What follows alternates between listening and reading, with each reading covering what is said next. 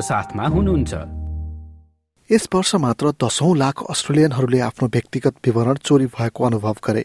देशका ठूला कम्पनीहरूमाथि भएको साइबर आक्रमणपछि संघीय सरकारले यस चुनौतीको समाधानका लागि ठूलो रकम खर्चने निर्णय गरेको छ। देशको साइबर सुरक्षालाई मजबुत बनाउनका लागि सरकारले साठी करोड़ डलर खर्च गर्ने बताएको छ। साइबर सिक्युरिटी सम्बन्धी मन्त्री क्लेयर ओर्निलले पछिल्ला घटनाहरूले सरकारलाई सुरक्षा सम्बन्धी कदम छिटो चाल्नका लागि घचघच्याएको बताउँछिन् If we have learned anything in the last year in this country, it is that we cannot continue as we have. We can't have a situation where we've got data flying around the country, where we've got critical infrastructure starting to fail, where we've got small business and citizens who are consistently telling us that they feel vulnerable. यही November महिनामा पनि अस्ट्रेलियाको ठूलो company DP ओल्डमा cyber आक्रमण हुँदा देशैभर यसको काम कारवाही प्रभावित बनेको थियो नयाँ नयाँ प्रविधिहरूको विकासले यस्ता घटनाको खतरालाई झनै बढाउने सरकारी भनाइ छ We know that as bad as the cyber environment is for us right now, we have reason to believe that things are going to get worse and that we are going to face increasing risk. There is no politician in the world, no politician in our country who can look their citizens in the eye and say that we're not going to have any more cyber attacks. There is no public policy option here that reduces cyber, cyber risk to zero.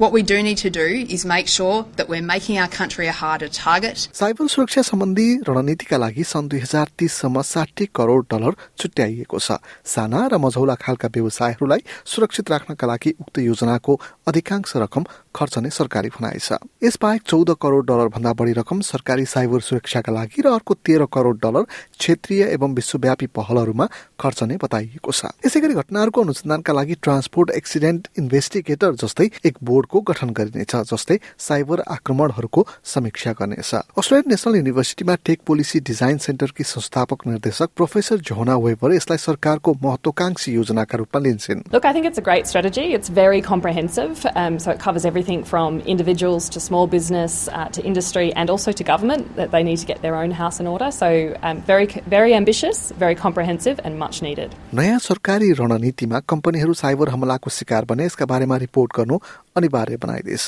यसअघि Morrison सरकारले दुई दशमलव तीन अर्ब डलरको योजनाको बाछा गरेको थियो। विपक्षी दल भने नयाँ रणनीति प्रति त्यति खुसी देखिँदैन। विपक्षी दलका साइबर सेक्युरिटी सम्बन्धी प्रवक्ता जेम्स पिटरसन यसलाई निराशाजनक भएको प्रतिक्रिया दिन्छन्।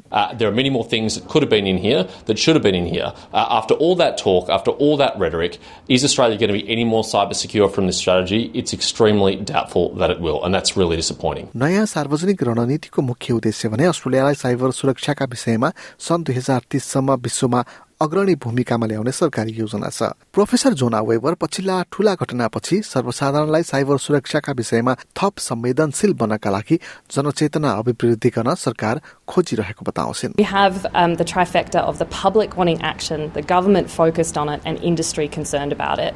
If we can't make meaningful progress with that trifecta behind us, we're never going to make meaningful progress on cybersecurity. यो जस्तै अन्य प्रस्तुति सुन्न चाहनुहुन्छ? एप्पल पोडकास्ट गुगल पोडकास्ट स्पोटिफाईमा हामीलाई खोज्नुहोस् वा तपाईँले पोडकास्ट सुन्ने अन्य सेवामा।